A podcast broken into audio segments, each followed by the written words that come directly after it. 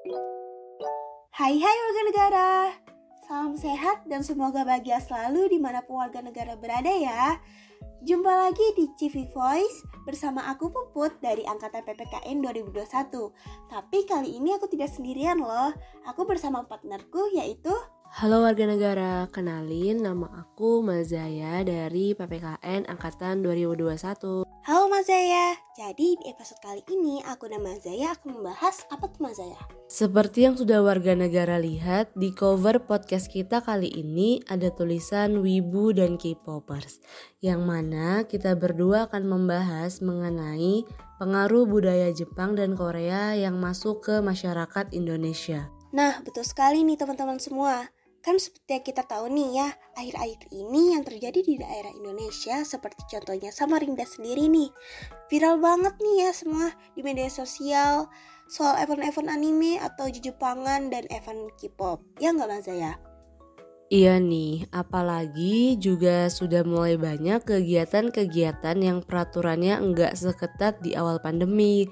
Jadi masyarakat pun juga dapat ikut serta jika ada event-event budaya seperti itu. Kalau nggak salah ya, setauku dulu itu event anime atau Jepangan ini nggak se-booming sekarang gitu loh. Karena sepengalamannya aku dulu, masyarakat Indonesia khususnya Samarinda sendiri ini lebih tertarik ke event K-pop dibanding event di Jepangan. Ya nggak sih? Iya, kalau dilihat dari penyebabnya juga mungkin karena pandemi kemarin. Banyak orang yang mencari hiburan dan akhirnya ketemu nih sama drama dan film baik dari Korea maupun Jepang yang menarik perhatian mereka. Yang mana mungkin karena sinematografinya yang bagus dan juga bisa mengurangi kejenuhan mereka. Nah, iya nih, dari sini bisa kita lihat nih, pengaruh budaya asing ini sangat berubah populasi manusia, baik dari fisik maupun non-fisik.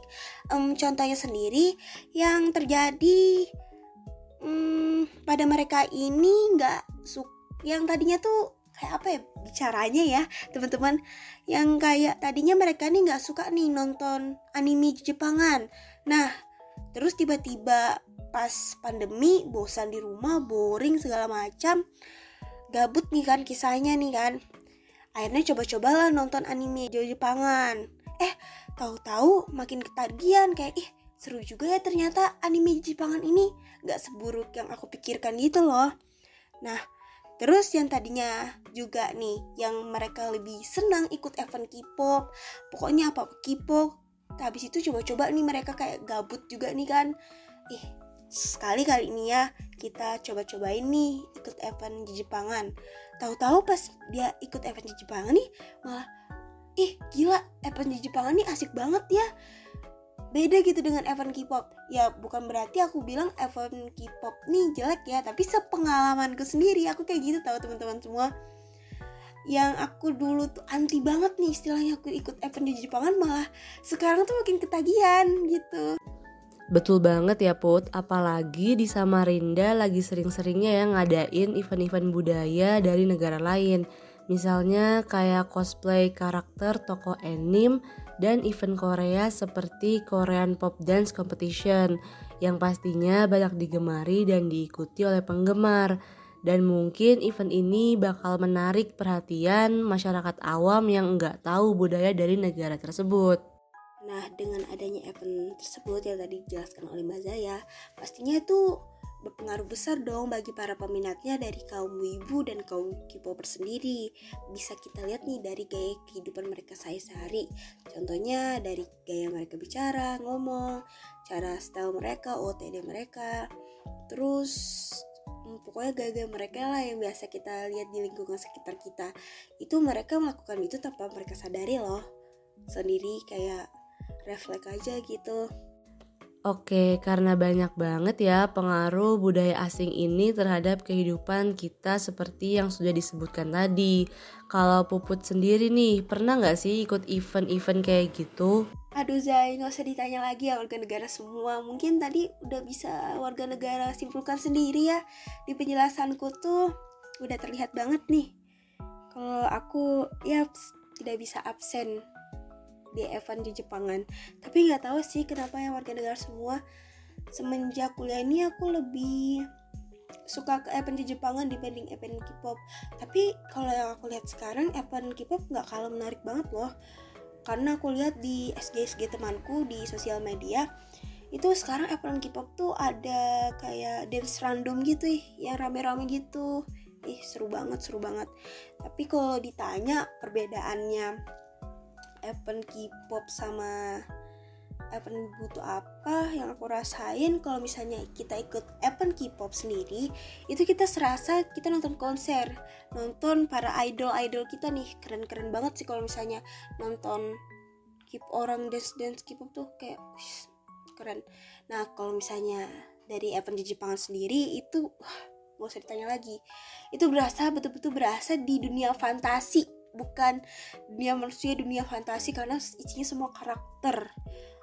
Cantik-cantik kata-kata imut kawaii nih. Jadi gitulah pokoknya. Jadi buat kalian penasaran jangan lupa untuk datang di event di Jepangan maupun event K-pop sendiri supaya kalian tahu nih apa rasanya sih. Oh ah, rasanya gini oh rasanya gitu. Jadi gitu warga negara semua. Wah, pasti seru banget ya bisa ikut kegiatan itu. Nah, dari sini bisa kita lihat budaya asing ini sangat berpengaruh ya dalam kehidupan kita. Di mana pastinya dengan adanya event seperti ini bakal punya dampak positif maupun negatifnya.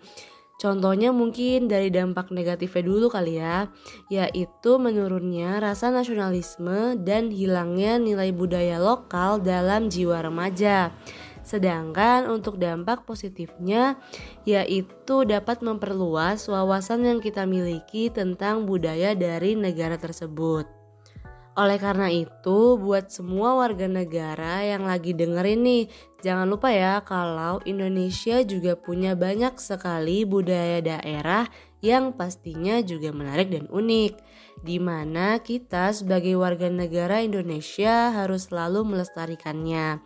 Karena itu juga merupakan sebuah bentuk tanggung jawab kita agar budaya kita tidak dicuri dan ditiru oleh bangsa maupun negara lainnya.